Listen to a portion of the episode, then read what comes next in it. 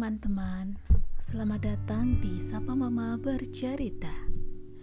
Hari ini aku akan membacakan salah satu cerpen di dalam buku antologi Aku, Lagu, dan Nostalgia. Kali ini cerpen yang akan aku bacakan berjudul Asa, karya Bibu Nanda. Seluruh darah tubuhku bertumpu pada kaki, bukan pada keberanianku. Bibu Nanda Hai Asa, kamu pernah mengajarkanku melihat dunia dengan cara yang berbeda. Ada arti yang sangat filsafati dari ayunan langkah, kerlingan mata, dan anggukan mendayu penari Dayak pada Pampang, Mei 2011.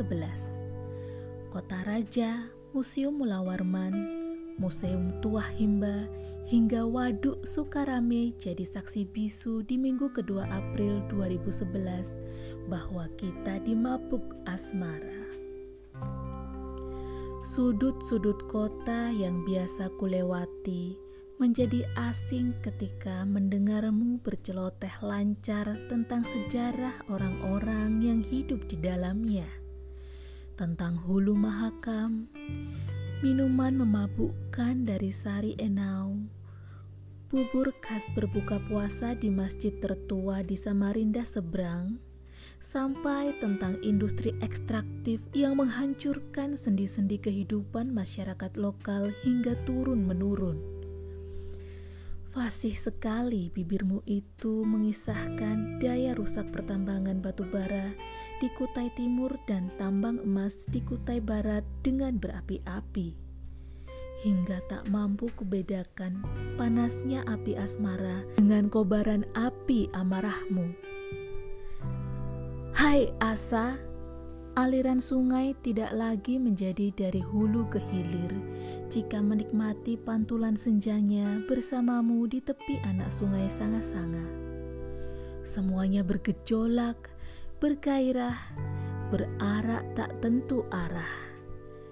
Jajanan pasar yang asing awalnya di lidahku, kini menjadi sebuah rasa ketagihan tersendiri. Roti serikaya, bebongko, gula gait, sanggar tiwadak, sampai nasi pundut Asik sekali melihat kau makan jagung bakar di Melawai. Gincu merah menyalamu berganti gurihnya mentega. Namun, senyummu lebih manis terasa. Lesung pipi kiri itulah asalmu asalnya. Kuiringi ayunan langkah pendekmu. Seketika, aku terpana dengan dunia yang selama ini aku tinggal, tetapi tak aku kenali seperti kamu memahaminya. Mengapa jiwaku mesti bergetar, sedang musik pun manis ku dengar? Mungkin karena kulihat lagi lentik bulu matamu, bibirmu, dan rambutmu yang kau biarkan jatuh bergerai di keningmu. Makin mengajakku terpana, kau goreskan kita cinta. Hai Asa, Caramu luar biasa untuk mengajarkanku melihat dunia, bahkan dunia lain yang belum pernah tersentuh olehku. Ya, melaluimu, aku masuki dunia itu. Aku baru tahu kalau ada mangga yang warnanya putih, wangi namanya. Aku suka sekali makan mangga putih itu, rasanya legit dan lembut Katamu, sebelum disantap matangnya harus pas. Kalau mengkal, rasanya aneh. Kalau kemasakan, rasanya lebih aneh. Aku suka buah keledang. Buah mirip cempedak berwarna jingga yang manis itu baru kurasakan di Sanga-Sanga November 2011. Hai Asa, aku ingat dalam sekali makan, kamu bisa menghabiskan manggis setengah karung. Sungguh wanita perkasa. Oh iya, satu lagi buah endemik hutan Kalimantan yang kau kenalkan kepadaku. Lai. buah semacam durian berdaging jingga yang rasanya aduhai.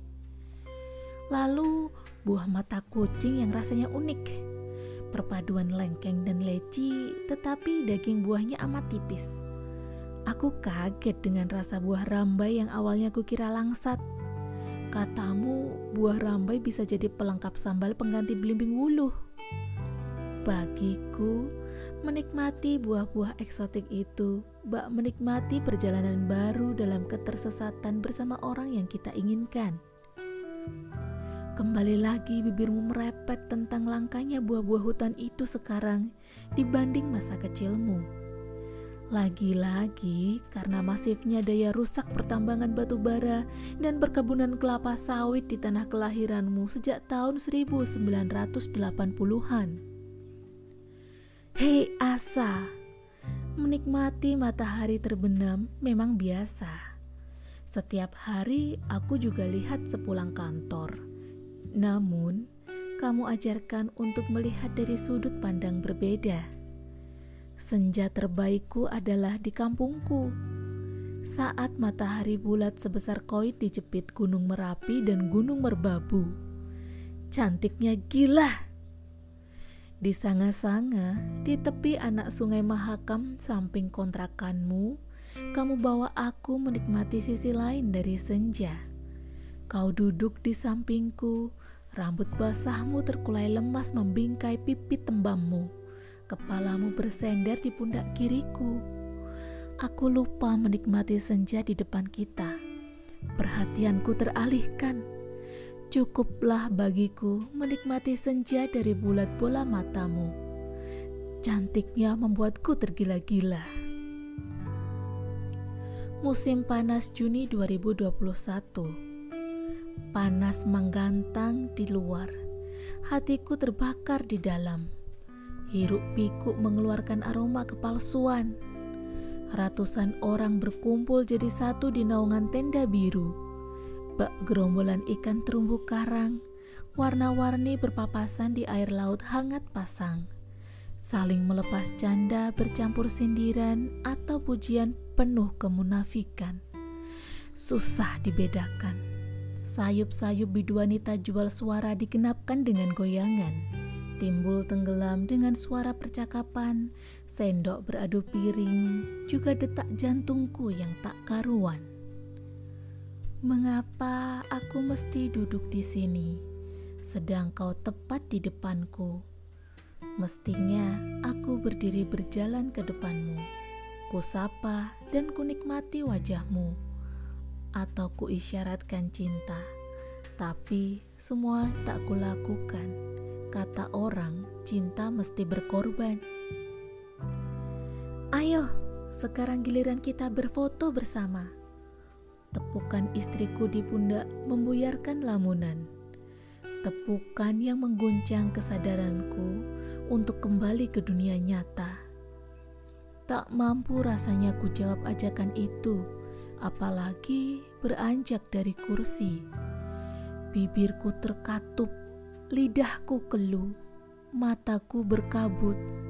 Seluruh darah tubuhku bertumpu pada kaki, bukan pada keberanianku. Hei Asa, cinta memang tema purba yang selalu menyajikan aturan baku pada para petarung di dalamnya, yaitu saling cinta, percaya, hormat, komitmen, dan kompromi. Selalu, selalu, dan selalu ada saja yang dipertaruhkan di dalamnya. Apa yang kau pertaruhkan, bahkan kau korbankan. Apakah setimpal dengan apa yang akan engkau dapatkan dalam mempertahankannya? Kau membuatku yakin akan sebuah perjuangan dalam mempertahankan apa yang kita yakini. Hai Asa, Aku, aku hanyalah sang petarung yang kalah di medan yang kuciptakan sendiri. Bahkan, aku belum bertarung sama sekali.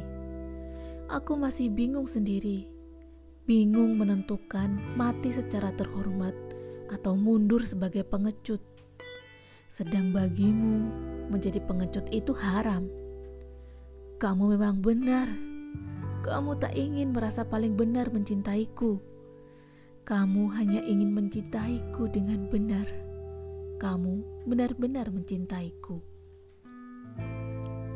Kesabaran memang tiada batas, tapi waktuku ada batasnya. Aku hanya menyayangkan ini berakhir begitu saja, seolah sia-sia dan tak berarti. Aku hanya mengesalkan mengapa menyerah sebelum berperang. Air matamu tampak berlinang. Aku tahu bukan sifat Mas untuk meladeni peperangan. Sungguh di luar dugaanku Mas menyerah begitu saja. Tapi biarlah, ini sudah keputusan yang tentunya Mas pikirkan dengan baik-baik. Tidak seperti ketika rasa itu memenuhi relung jiwa kita yang tanpa berpikir. Aku tak mungkin memaksakan kehendakku, keegoisanku, perasaanku apa mau dikata? Toh Mas sudah memutuskan begitu. Sudahlah Mas, tak perlu dibahas.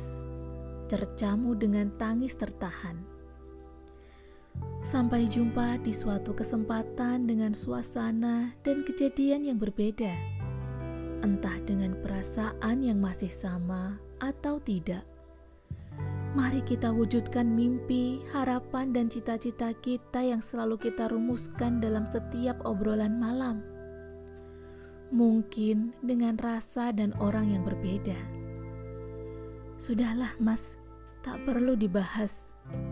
Bukan aku yang melepaskan genggaman tangan kita, namun kau yang tak lagi menggenggam tanganku seerat dahulu.